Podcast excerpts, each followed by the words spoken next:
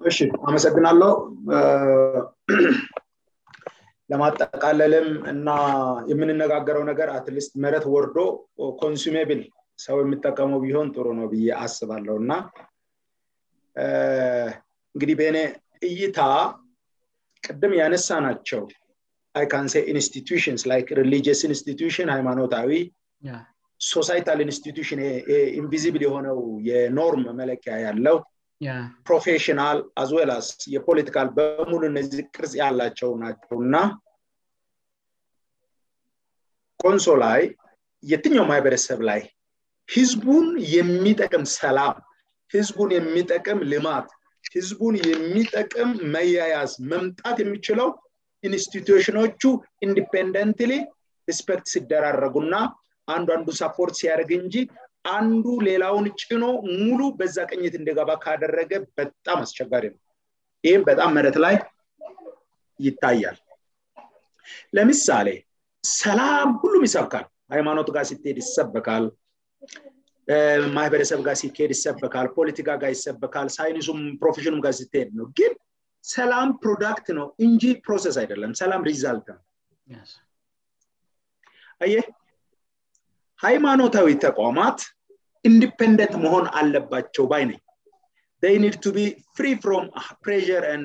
ፖሊቲክስ ይሄ እስካልሆነ ድረስ እዚ ጋር መልካም የነበረው በሌላው ስጫን እዛ ውስጥ ደግሞ ቫራይቲ አመለካከት ስላለ ተቋማቱን ማፍረስ ነው እ ተቋማቱን መገንባት አይደለም ስራይ ስለዚህ ምንድነው መሆን ያለበት ምንድነው መካሄድ ያለትው መሆን አለበት ብለን ካሰብን ይሄ ሲቪል ሶሳይቲስ የምንላቸው የሽማግለ ተቋም የማህበረሰብ ኮንፍሊክት ሪሉሽን ፕሮብም ሪዞሉሽን መንገዳቸው ከፖለቲካ እጅ ነፃ ቢወጣ ማህበረሰብ በራሱ ባለው ለዘመናት በአከማቸው ነገር የልክነትና የመልካምነትን ነገር ፕሮዲስ ቢያደግ እንደ ሪዛልት ቢሰጠ ነ ሃይማኖት ተቋም የሚያስተምሩት መንፈሳዊ ትምህርታቸው ሰው የሚያደረገው መልካም ነገር ቫ የሚያደርገው ኢንዲፐንደንት ቢንቀሳቀስ ፕሮፌሽናልስ በሙያቸው ያለ ጣልቃ ገብነት ቢሰሩ እነዚህን እንደ ለቨሬጅ የአመራር ላይ ያሉ ሰዎች ወስደው ለህዝቡ መልካም ቢሰሩ መረት ላይ ተጨባጭ ነገር እናገኛለን ብያአምናል አንዱ ሰው ፖለቲካ ውስጥ ያለው አመራር ውስጥ ያለው አራቱም ጋ ይገኛል ታቃላችሁ አራቱም ጋ ይገኛል ማህበረሰብ ውስጥ ይኖራን ሃይማኖት ውስጥ አለ ሙያ ውስጥ አለ ግን አሁን በጣም ኤቨሪ ፕሮብሌምን በፖለቲካል ኮረክትነስ ለመፍታት ሲሞከር የማያልቅ የማያቋርጥ ችግር ይፈጠራል ሶ ፖለቲካል ኮረክትነስ ብቻ ሰላምን አያመጣ ልማትን አያመጣ ስፒሪቱል ኮረክትነስ ለፒስ በጣም ወሳኝነት አለው ለሞራል በጣም ወሳኝነት አለው ለእርቅ በጣም ወሳኝነት አለው ለኮንፍሊክት ሪዞሉሽን በጣም ወሳኝነት አለው ይህን እስካላደረግን ድረስ እና ኤሪ ኢንተርፕሬቴሽን ከአንድ ፓራዳይም ብቻ እስካደረግን ድረስ መረት ላይ ሰላም ማግኘት አንችልም የምል አቋም አለን ይህን የምለው የትኛውም ካቴጎሪ ቆሚ አይደለም ምክንያቱም ኮንዞ ኮሚኒቲ ውጭ ያለም ክፍል ሀገርም ያለ እዛ መረት ላይ ያለን ቢሆን ኤብሪባዲ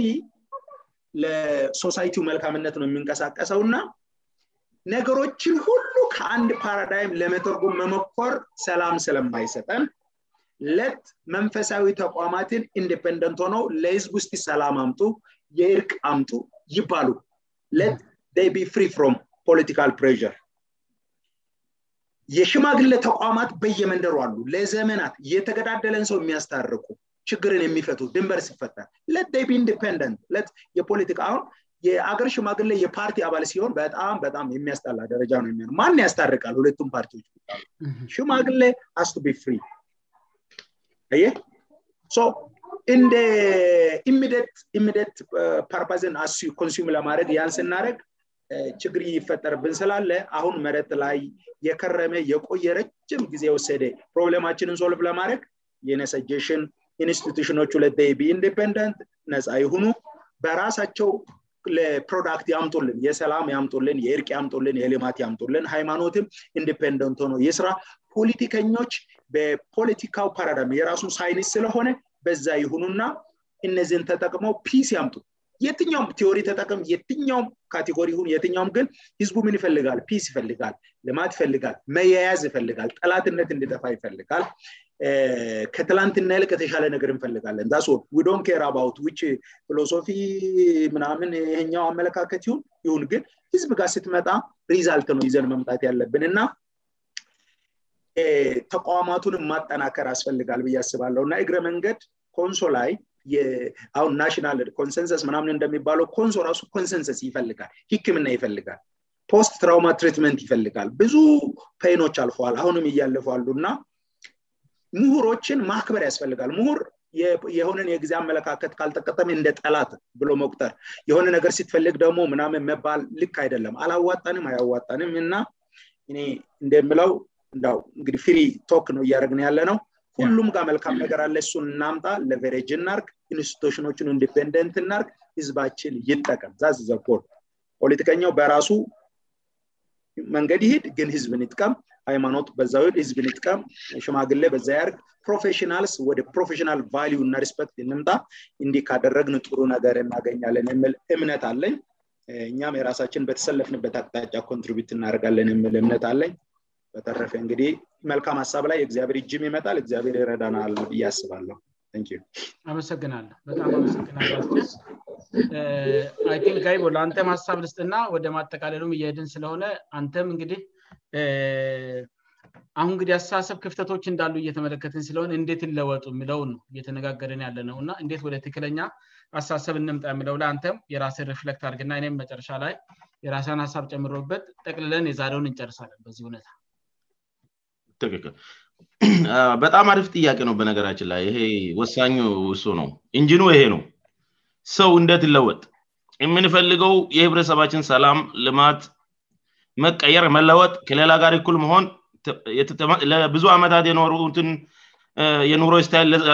እስሁን የሚኖሩትን ተቀይሮ ሌላ እንዲሆን ለማድረግ ዘመናዊ እንዲሆን ማድረግ እንት ሊሆን ይችላል ይሄን ነው ዱቀቶ የምንፈልገው ስለዚህ መጀመሪያ ላይ ማን ላይ ነው መሰራት ያለበት ማን ነው ማንን መለወጠ የምችለው እንደት ነው የሚለውጠው አንድ ሰው እኮ የሆነ ነገር እንዲሰራ እንደት እንደምሰራ ማወቅ አለበታልመጀመሪያ ላይ ስለዚህ መለወጥ ያለበት ሰው ካልተለወጠ ህብረተሰቡን መቀየር ያለበት ሰው ካልተቀየረ እንደት ነው ሌላ እንዲቀየር የምንጠብቀው እንዲሁም እኔ በተቃራኒ ህብረተሰቡ ሳይማድ የተቀየረ ይመስለኛል አብዛኞቹ እንዲ በፍርሃት በተለያየስ ሰዎቹ ጋር በመሆን እንደዚህ የሚያደርጉ እንጂ አሁን ችግር እየፈጠሩ ያሉት ማየሆኔ የተማሩ የሚመስሉ ትምህርት ቤት የገቡ እንደዚህ እትን ላይ ያሉ እነሱ ናቸው ህብረተሰብ እንደ ህዝብ ሆኖ ሚዲያ ላይ የሚያብሩት ማለት ነው ስለዚህ አንድ ሰው የህዝብ አገልጋይ ሆኖ ወንጀል ለመከላከል ሄዶ ወንጀል መስርያት ያለብት ወንጀል እንዳይሰራ ለመከላከል ከሆነ የተቀመጠው ተቋሙ እንደዛ ኮነ ግቡ ማንም ሁኑማን ወንጀል የግድ በመምታት ወይም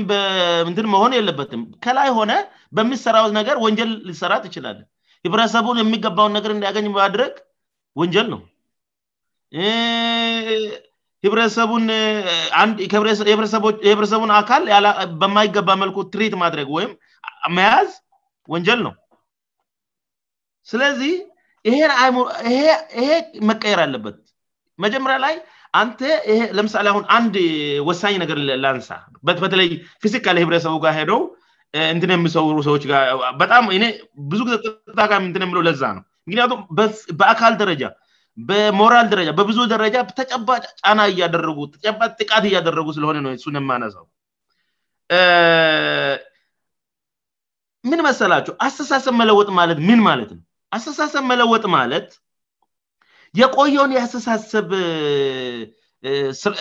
አይነት ቀይሮ ዘመናዊ ማድረግ ነው ወይም ከጊዜው ጋር ራስን ማሻሻል ነው ማዘጋጀት ነው ለምሰራው ነገር ከዚህ በፊት የምሰራው ስራ ለምሳሌ አሁን ማስተዳደር ሊሆን ይችላል ወይም ጥታ ዘርፍ ብረተሰብ ጥታ ዘርፍ አንፃር ማገልገል ሊሆን ይችላል ግን ድሮ የምታገልበት ስታይል እና አሁን የምታደግበት ስታይል ይለያያል ቀጥቅጥ ይሺ ከላለ ስበርየምትፈልገውን ዓላማ አይነት የሚያመጣልቅ ይነት ሰው ከሆነ ጥሩ የሚሆን መጥፎ ቻለንጅ የሚያደርግ ከሆነ ይስራ ያስገባው ቶርች አድገው ምናምን ነበር የሚባለው አሁን ይሄ መሆን የለበት ሁ ተቀይሯል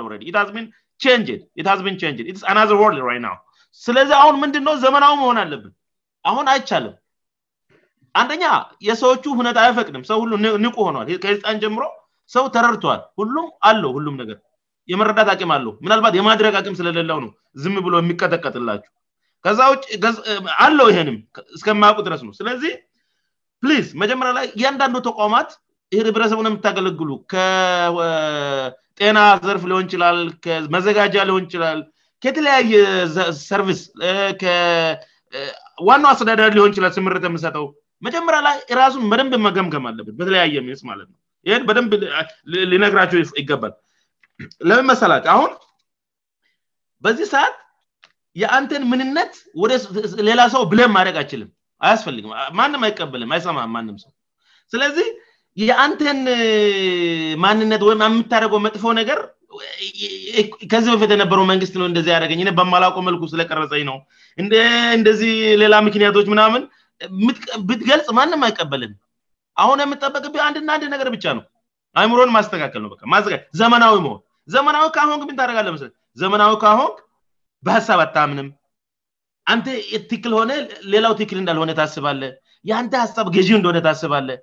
ማንም ከአንተ ውጭ ወሳኝ እንዳልሆነ ታስባለ ሌላ ሰው ዝም ብሎ ለምርቃት የተሰጠህ እንጂ የራሱ ሀሳብ የሆነ ነገር እንደምጠቅም አድርገ አታስብም ይሄ የራሱን ማንነት የጣለና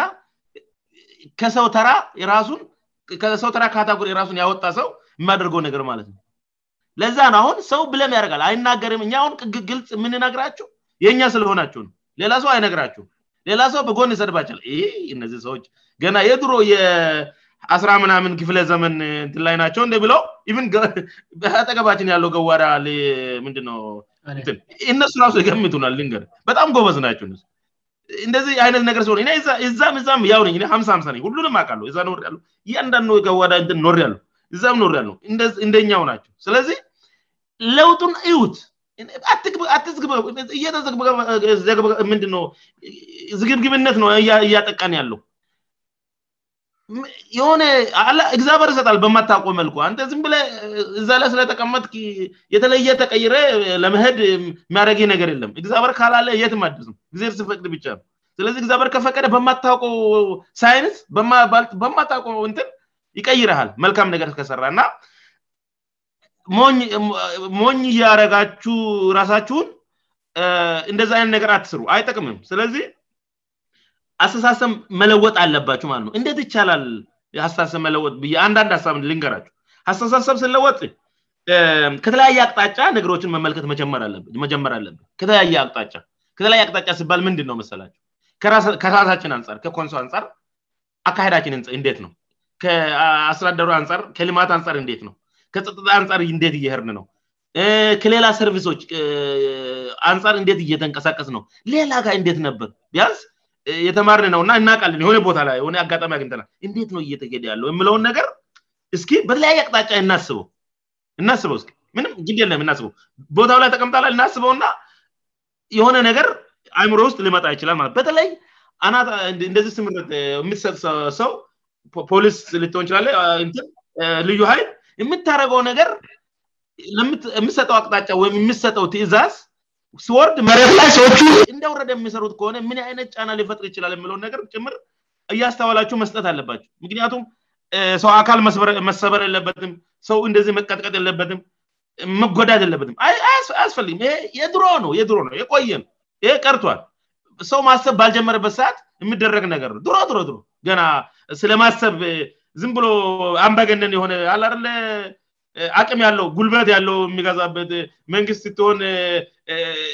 ለህዝብ ሳሁን ለራሴ ትደምት እንደዚ አይነት አንባገነን የሆነ ነገር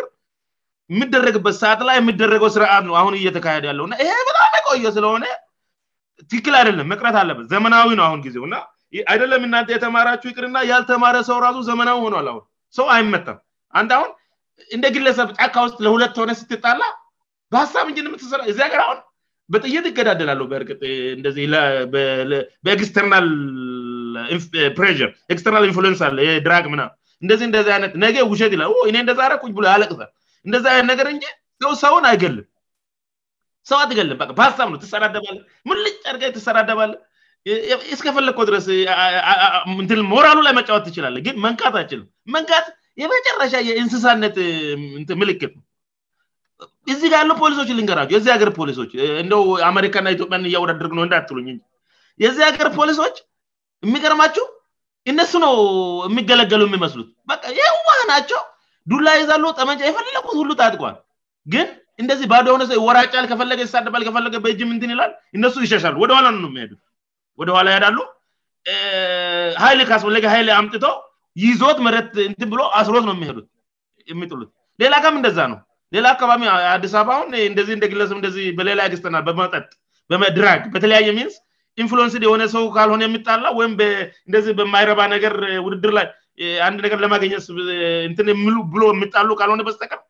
እንደዚህ አእምሮ አላቸውእና የተማሩ ሰዎች አይጣሉ በሀሳብ ነው የምነቋቆሩት ርስ በርስ ያሁም ፓፕሊሌ ሲወጡ እንደዚህ ብየሆነ በርና እንደዛ አለኝ እንደዚህ ብሎ ነው ን የምነጋገሩት ፍለፊት አይተዳደጉም የራሳቸውን ክስፖዝ አይርጉ እዛ ውስጥ እርስ በርስ አንደኛ ሌላውን በቀ መድሉ ነካት ነካት ብሎ ይናገራል እንደዛ አይነት ነገር ነው ያለው ስለዚህ በዛ አይነት መልኩ ነ ነገሮችን ማሰብ ያለባቸው ከተለያየ አቅጣጫ ማሰብ እንጀምር ሌላ ጋ ንት ነውእጋው የለውን ነገር ማለትነው ለምን ብለን እንጠይቅ ለምን እያደግ ነው ብለን ንጠይቅ ምክንያታዊ መሆን አለብን ለምናደርገው ነገር ምክንያታው ካልሆን ስመታውነን ማለት ነው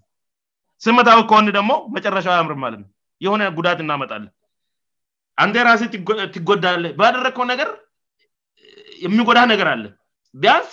ህግ አለ ህግ ይቀጣሃል ቂጣት ጥሩ ነገር አደለም ስለዚህ አንተም ትጎዳለ የተጎዳው ሰውየም ተጎድተዋል ብዙ ነገር አንድ ላይ ይጎዳል ስለዚህ ለምን እያደረግ ነው ብለን እንጠይቅ አሳስባችንን እንለውጥ ማለቴ ነው ሌላው ደግሞ ከመውቀስ ሀሳብ እንውጣ አንድ ውቀስ ከምን ወቅት ለምን እንደዛ ተባለወይም ለምን እንደዛ ሆነ ብለ እንጠይቅ ወደ ሌላ ሰው ብለም አናድርግ አንግፋው በእኛ አካባቢ የተፈጠረውን ነገር ወደ ሌላ ሰው አናሳብም ማለትነው ማስተካከል እንችላለን ቀላ ነው በእኛ የተፈጠረ ነገር በእኛ የማይቀየሩበት ምንም አይነት ሚክንያት የለም ሁሌ ከኮንቨርት ሲሆን አንፃር አናስብ እሁን የተመቸ ነገር አላለም ከምቾት አንፃር ነገሮች አያሁ የማይመችን ነገር እንዳለን ማሰብለ በምቾወት ውስጥ ሆነን እንደምናስበው ሁሉ ምቾወት በሌለበት አካባቢ ላይም ሆነን ማሰብ አለብን ለምሳሌ አሁን ድነት አለ አለም ችግር አለን ማጭ በርበር ትችላለን መስረቅ ትችላለን ሙስና መስራ ትችላለን ጫላ ፈጥረ የራስን ትን ማድቅ ትችላለን ከዛ ወተን ማሰብ እንችላለን እንደዛ ማሰብ ከቻለ ወተን ደግሞ ማሰብ እንችላለን በዛ አይነት መልኩ ነገሮቹን ማስገድ አለብን ምክንያቱም የኛ አካባቢ ሰው ብቻ ሌላ አካባቢ አደለም የኛ አካባቢ ሰው ብቻ ን ገዋዳ ውስጥ አይደለም ወንጀል ለመከላከል ሄዶ ወንጀል የሚሰራበት ቦታ ነው ያለው በጣም የሚያሳዝነውጣም ቅሽምና ጣ ስለዚህ እንደዛ ነገር መሆን የለበትን እናስተውል አንደኛ እንደ ግለሰብ ራስን ታሰድባለ ሁሉም ሰው አይደለም እንደዛ ስናወራ ሁሉም ሰው እንደዛ ያደርጋልለማለት ስላልሆነ ነው እና ብዙ ጊዜ ስትረዱ እናንተ እንደዛ ትረዱት አንተን ሚመለከት ኮሆነ ራስን አስካምቱም በሰአቱ ምንንትን ልትል ትችላል እኛ የምነረ ባለፈው ነገርያል በጫቅድመ ምርጫ ላይ ሆ የተነጋገር ነውነገር ንቄ አድርገ አሁን በማድረግ የምትጠይቅበት ብዙ ነገር አለን እኛ ዝንብለን አናወረም ከኢንፎርሜሽን አንፃር ከአለም አንፃር ከብዙ አንፃር ስላየን እንዳይፈጠርብን የኛ ወንድሞቻችን በሌላ መልኩ እንዳይደረጉ ጥሩ ነገር እንዲሰሩ አርገን እንድናሳስባቸውነው የምነግራቸው ና ባአትን ቁጥሩ ነው ምንም አትጎዱም እኛ እናንትን ለመጠቀም እንለመጠቀም አይደለም እ ኦረዲ ት ፍ ንትንነን እ ሀስታብ የምንሰጥ ሰዎች ነን ግን ዝም ብለን አናየ ህብረተሰባችን የሆነ ነገር ሲሆን አላባብ የሆነ ነገር ስፈጠር ለም እንደዛንሰራአናረግም ራላችን ስለማልፈት ሁእኔ ሰው ነኝ ሰው ከሆንኩ እኔን ወለደኝ እኔን ያስተማረኝ በስንት ችግር አስ ንትምስት ሰንት ሰጠኝ ንጎራ ያጠጣበት ብሎ ያለኝን ህብረተሰብ በዚህ አይነት መልኩ ስጎዳ ስጨቆን ኢኮኖሚካ ሁን ፌዚካሊ ጉዳት ሲደርስበት የሚገባውን ነገር ማድረግ እየቻል ካላደረቅ ይሰማኛል እዛ እንዳለነኝ ላይ እየተፈመእንዳለው ማኝ ኔ እየደማው ንደሆ ው ኝ ስለዚህ ዝ ነው ከዛ አንፃር ማሰብ አለባቸው ስለዚህ እኛ ክስፖዝ እናረጋለን ሁን በኋላ በስም እየጠራን ጨምረ በጣም እያ በዛ አካሄደ ሰውያው በመጥራት ይቻለሚዲያ ላይ እርምጃ እንዲወሰድበት እናጋለንቀላ ነው ጀምረናል ስለዚህ ሞኛትኑ እናገልግል እንተባበር የምናስተካክለው ነገር ካለ ለእኛም ጥቆማስጥን በዛ አይነት መልኩ እንረዳዳ የአስተሳሰብ ለውጥ እናምጣ እያልኩ ነው እና በዚህ አይነት ሁነታ ነው ሀሳብን ይጨርሳሉ አሁን አለቀ በቃ እናመሰግናለሁታንዩ አመሰግናለሁ ጋይቦ በም ይመጣብናል ኮ እዛ ህዝቡ ላይ የምታደረጉት ነገር ያው አንዳንድ ጊዜ ሩቅያ ለንም ይመስላቸኋ የተቀጠቀጠውን ሰውየ በስልክ እንደማውረ አይገባቸውም አንዳንድ በጣም ግርም ነ ብለኝ ባለስልጣናቶቹ ማለት ነው የወረዳ አስተዳዳሪዎች ወይም ደሞ የመምሪያ ኃላፊዎቹ ሩቅ እንደንኩ ብቻ ነው የሚያስቡት እንጂ ይሄ የተጎዳ የተቀጠቀጠወም በጥይት የተመታውን ሰውየ በስልክ ላአውራው እንደሚችል የፓርት አይመጣላቸውም በጣም ያሳዝናል ኒወይ ስሜታው የምንሆነው እውነት ለመናገር እናንተንም ስለምንወዳችው ህዝባችንንም ስለምንወደው ነው እንደው የራሳችንን ህይወት መኖር እንችል ነበር በእርግጥ ግን አይሆንም ይሄ ሰው ልጅ ተፈጥሮ ነው እግዚር አውቆ ነው ንሶ ያረገንእን ምንም ማድረግአንችልም ከፍላጎት ውጭ የሆነነገ ስለሆነ አንላቀቅም ነው እያለ ያለው እውነቱን ነው ሁልጊዜ እንደምንነግራችሁ መስተዋት ልንሆናችሁ ነ እደዚህ የምንለፈልፈው ዋጋ ከፍለን ጊዜ አቃጥለን ገንዘብ አቃጥለን የምናረገው ንምናደረገውእና ግን ምን እየተነጋገር ነው ያሳሰብ ችግር አለ ብለናል በኛ ማህበረሰብ ውስጥና ያሳሰብ ልክነቱ ምናልባትም ቅድሚያ መውሰድ በማይገባው አስተሳሰብ ወይም በአንድ አስተሳሰብ ሁሉንም ነገር እየለካን ያለንበት ሁኔታ በመፈጠሩ የአስተሳሰብ ችግር ተፈጥሯል የሚለው ላይ ነው ሀሳብ እየሰጠን ያለነእና እንዴት አስተሳሰቡን እንለውጥ የምለው ሀሳብ ላይ ነው እንግዲህ ወንድሞቼ ሀሳብ የሰጡት አይንክ የጋይቦን ሀሳብ በጣም የተረዳችው ይመስለኛል ለምን ብለን ንጠይቅ በ ማለት ሆነ ሀሳብ ሲመጣላችሁ በተለይ አመራር ላይ ያላችሁ ወንድሞቻችን ሀሳብ ሲመጣላችሁ ቆም ብላችሁ አስቡ ክስም ሊሆን ይችላል የሚመጣው አደለም እዛ ጋር የዜማና ብልጭግና እንደዚህ ተደራረጉ ተብሎ ሪፖርት ሲደርሳችው ሄዳችው ለመቀጥቀጥ አደለም ቅድም ደጋግሜ ተናገር ያለው ሰው ዱላ የታጠቀው ሰውዬ ወይም ዩኒፎር በገንዘባችን ዩኒፎርም ያለበስኒ ሰውዬ ምልሻዋው ሰውዬ ማንም ሁኑማን ከኛ እንደ አንዱ እንደሆን ራሴን ቁጠር አንተ ሰው ላይ የምታደረገው ነገር ህመም እንደሚፈጥር ይግባ አንተን ብትመታ ያመሃል ሰውን ወደ ህግ መውሰድ የራሱ አግባብ አለው የራሱ አካሄድ አለው ስለዚህ አመለካከት ከምንለውጥባቸው መንገዶች አንዱ ለምንንጠይቅ የሚለውን ነው ጋይቦ ያነሳውና ነገሮችን ከብዙ አንግን ለማየት መሞከር እ ጥቂት ሳ ሁለት ሀሳቦችን ብቻል ጨምርና የዛሬውን ፕሮግራም ጠቅልለን እንጨርሳል እኔ መጨመር የሚፈልገው ቅድም ተነጋግረናል እንግዲህ የልክነት መለኪያዎች እንደየሙያው እንደየሃይማኖቱ እንደየማህበረሰቡ እንደየእምነት ቤቱ የተለያየ ሊሆን ይችላል እንደየፖለቲካ ጅየተለየ ሊሆን ይችላል የልክነት መለኪያ ነገር ግን ደግሞ ሁሉን አቀፍ የልክነት መለኪያዎች አሉ ብለናል እነዚህ ሁሉን አቀፍ የልክነት መለኪያዎች ሰውን ትልቅ ዋጋ ከመስጠት የሚነሱ ናቸው ብለናል ስለዚህ ብቻላችሁ ሰውን ከራሳችሁ እኩል ቁጥሩ የእግዚአብር ቃል ላይም ተጽፏል ባለንጀራህን እንደራሲ ውደድ ማለት እንዳንተ ሰው የሆነውን እንደ ራሲ ደድ ማለት ነባንጀራ ማለት ወዳጅህን ማለት አደለም ጌታችንና መድነታችን የሱስ ክርስቶስ ይህንን ባለንጀራ የምለውን ሀሳብ ሲያስረዳ መንገድ ላይ በሌይቦች ና በወንበዶች የተቀጠቀጠን ሰው ምሳሌ አንስቶ ነበር እና ብዙ ሰዎች በዛ ሰው አጠገባለፉ አልረዱትም አንድ በዘርም ከዛ ሰው ጋር የማይገናኝ ሰው ግን ምንአደረገ ያን ሰው እየረዳ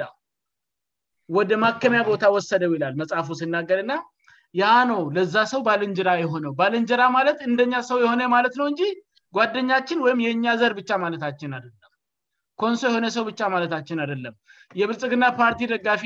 ብቻ ማለታችን አደለም የሂዜማ ደጋፊ ብቻ ማለታችን አደለም ባለንጀራ ማለት እንደኛ ሰው የሆነ ፍጡር ማለታችን ነው ስለዚህ ባካቹን ሁሉን አቀፍ የልክነት መለኪያዎች ሰውን ትልቅ ዋጋ ከመስጠት ይነሳሉ በሀሳባችን የምስማማም የማይስማማም ዋጋው ከኛ ኩል እንደሆነ እናስብ እንግዲህ ስላስታሰብ ለውጥ ነው እንግዲ እያሰብን ያለ ነው እና ሁሉም ሰው የተባለ እንደኛ ቆዳዊት ቆር ይንጣም ወንድ ሁን ሴት ይሁን ህፃን ይሁን ሽማግለ ይሁን ሰው ሰው ነው በቃ እንደኔው ነው ብላቸሁ አስቡ ሰው ስሜት አለው አካሉ አላግባብ ሲመታ ይጎዳል ስሜቱ ይጎዳል የምለውን እናስብ ስለዚህ ሰውን ዋጋ በመስጠት እንጀምሩ ሌላው ብቅር እንግዲሁ እኝ ምደኛ አንድ አነት ቋንቋ የሚናገር የኮንሶን ሰው እንደ ጥላት ተቆጥሮ በመንግስት ኃይል መቀጥቀጥ የለበትም በጭሩ ማለት ነው ጥላት እንኳን ቢሆን የሀሳብ ጠላት ነው መሆን ያለበት ሰው ማለት ነው በሀሳብ መፋጀት ይቻላል ነገር ግን ከሀሳብ በተነሳ ጉዳይ የሰውን አካል ማጉደል ጉልበት ስላለ የመንግስት ኃይል ስላለ ያንን አጥ ብቀን እንቃወማለን ከዚህ አሳሰብ መውጣት አለብን ብለን እናስባለን የመንግስት ጉልበት በእጃችን ላይ ስላለ አሁንም ዋሻችሁን በነው እንግዲህ ዋሻችሁን ውሸት ነው የሚታሰራጭት መብታችሁ ነው ነገር ግን እውነቱቤቱ ጋር እንዳለ ታቃላችሁ ሁላችሁ ማለት ነው ነገር ግን አሳሰብለውጥ ነው እያለን ያለ ነውና አሁንም እየወቀስ ናችሁ አደለም ቆም ብለን እናስብ ለህዝብ እንድታገለግሉ ነው እዛ ጋር የተቀመጣችሁት እኛም እየደገፍናቸሁ ነው ሀሳብ እየሰጠናቸሁ ነው እንዴት በተሻለ መንገድ ህዝብን ማገልገል ይቻላል ስለዚህ የመጀመሪያ ሀሳብ ሰውን ከምንም በላይ ትልቅ ዋጋ አንስት ሀሳቡን እርሱት ሰውነቱ ላይ ፎከዛሉ ምክንያቱም ሰውን ስንጠላው ከሰውነት እያሳነስን ያለበት ሁኔታ ነው ያለው ሰው ተጎርቶ እንኳን አስተያት ሲሰጡ በተለይ የተማራቸኛ ልጆች ይገባዋል ትላላችሁ እግሩ መሰበር አለበት እጁ መሰበር አለበት ትላላችሁሮንግ ነውይ የእናንተን የፖለቲካ አቋም ስላልደገፈ ሰውነቱን በአንዴ ከሰውነት በታች አውረዳችሁ ማለትነው ል አደለም ይሄ መጀመሪያው ነጥቤ ነው እንህ ማጠቃለያው ላይ እንዴተሳሳሰብ ንለውጥ በሚለው አንጻር ማለት ነው ስሜታችሁ ባይፈልግም ያ ሰው ልክ እንደናንተው ሰው ንደሆነ ያስቡ ያ ያበሳጫችሁ ሰው ያ የማትፈልጉትን ነገር ያደረገው ሰውና ልትጎዱት ውስጣችሁ የሚፈልገው ሰው ል እንደናንተ ሰውእንደሆነ ያስቡ ከእናንተ የተለየ አደለም እነ ሀሳቡ ነው ከናንተ የተለየው እንጂ ል እንደናንተው ይደማል ልክ እንደናንተው ያመዋል ልክ እንደናንተው ወንድሞችም ወላጆችም እህትና ልጆችም ሊኖሩ ይችላል በቃ በዛ መንፈስ እናስብ ሰውን ትልቅ ዋጋ አንስት ሁለተኛ ሀሳቤ ቅድም ወንድማችን አስቻለው ደጋግሞ የተናገራቸው የልክነት መለኪያዎች አሉ ፖለቲካ ውስጥ የልክነት መለኪያ የራሱ አለ ሙያ ውስጥ የራሱ አለ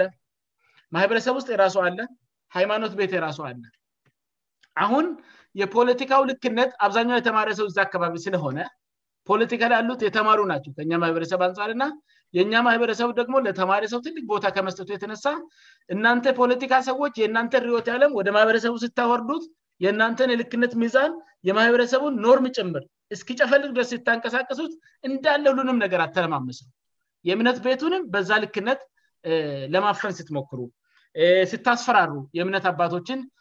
እና ባለፈው ዜናም ሰርተን ነበር ስብሰባ ጠርታችሁ ምከሩም ብላችሁ ስመክሯችሁ መልሳችሁ የጮሃችሁበትና ሰይፊን በከንቱ አልታጠቅን ያላችሁበት ሁኔታ አለ ል አደለም እንዲህ ያሉ አመለካከቶች መቀየር አለባቸው የእምነት ተቋማት እንዲያግዟሁ ከለጋችሁ ማህበረሰባችንን ከማነጽ አንፃር ማለት ነው ማህበረሰባችንን ከማድረቅ አንጻር እንዲያግዟሁ ከፈለጋችሁ ድንበራቸውን አትለፉ ማስፈራራት አይገባም የሚያጠፉት ጥፋት ካለ እነሱ ራሳቸው ወደ እናንተ የሚያመጡበት ሁኔታ ሊኖር ይችላል ነገር ግን እናንተ በተሰመርላቸው መስመር ብቻ ስሩ ምን እያልኩ ነው የፖለቲካው የልክነት ሚዛን ሁሉንም ነገር መምራት የለበትም በፖለቲካ ውስጥ ብቻ እዛው እንደታጠረ መቆየት አለበት የሃይማኖት እንደዛው የማህበረሰቡ እንደዛው ከምንም በላይ ግን ይሄ ፈጣሬ ለሰው ልጆች ሁሉ ሰጥቷዋል የምንላቸው ሰውን ዋጋ ከመስጠት የሚመነጩ ለምሳሌ ሀሰትን በሰው ላይ አለመመስከር የሰውን ህይወት አለማጥፋት የሰውን አካል አለመጉዳት የሰውን ንብረት አላግባብ አለመዝረፍ እንደዚህ የመሳሰሉትን ቅድሜ አንስታቸው ሰውነትን ቅድሚ አንስተው ስለዚህ የፖለቲካ የልክነት ሚዛን ሁሉንም ነገር ለማሽከርከር አይሞክር በቃ ይሄ ልለወጥ የሚገባው ሌላኛው ነው አሳሰባችን እንድስተካከል ከፈለግን ይሄ እንግዲህ እንድለወጥ የሚፈልገው ሌላኛው ነገር ነው እንግዲህ አድማጮቻችንና ተመልካቾቻችን እስካሁን ከኛ ጋር ቆይታ አደርጋቸዋል በጣም ነው የምናመሰግነው አርዝመናል ይመስለኛል ሁለት ሰዓት ያክል የተወያየን ይመስለኛል ዛሬ የተወያየንበት ሬስ ሁላችንም እንደምናውቀው አሳሳሰብና የሀሳብ ልክነት በሚል ነው ስለዚህ የሳሳሰብ መሰረቱ ምንድን ነው አሳሰባችን ከምን ተነስቶ ነው ባህዳችንን የሚቀርጸው ድርጊታችንን የሚመራው ምሉትን ነገሮች ተነጋገርን ማህበረሰባችን ውስጥ ልክ ያልሆኑ የአስተሳሰብ አካሄዶችንም ተመለከትን የአሳሳሰብ ልክነት እንዴት ይመዘናል ሜዛኖችንም አየን አሁን ደግሞ በመጨረሻም የእኛ ስፔሲፊካሊ የኮንሱማ ብሔረሰብ ውስጥ ሊለወጡ የሚገቡ የአሳሳሰብ ጉለቶችን እየነቀስን ለመነጋገር ሞክረናል እንግዲህ በውይይቱ ተጠቃሚ እንደምትሆኑ ተስፋ እናደጋለን በዚህ የተከታተላችሁንም በኋላም ቴሌግራም ላይም ይህንን ውይይት የምትከታተሉ ሁላችሁንም እናመሰግናለን የዛሬው ውይይታችን እዚ ለዋብቅተናል እናመሰግናለን